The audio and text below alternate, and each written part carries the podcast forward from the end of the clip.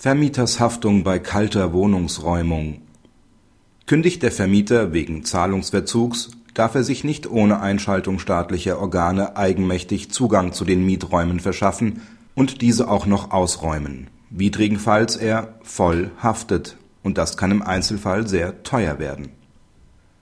Der Mieter zahlt über mehrere Monate hinweg die Miete nicht. Der Vermieter kündigt den Vertrag.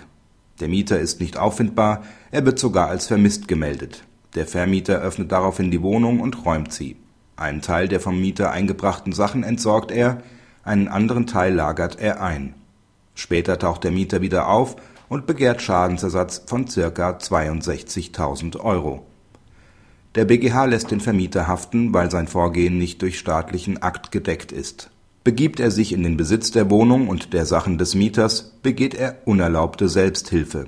Das gilt auch dann, wenn der Mieter unbekannten Aufenthalts ist.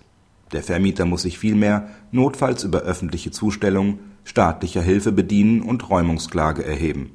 Beschreitet er hingegen den Weg unerlaubter Selbsthilfe, ist er dem Mieter gegenüber nach 231 BGB unabhängig von einem Verschulden zum Schadensersatz verpflichtet.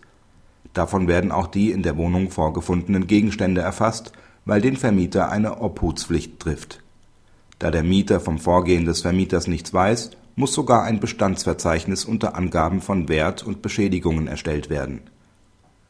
Praxishinweis Dem BGH ist zuzustimmen.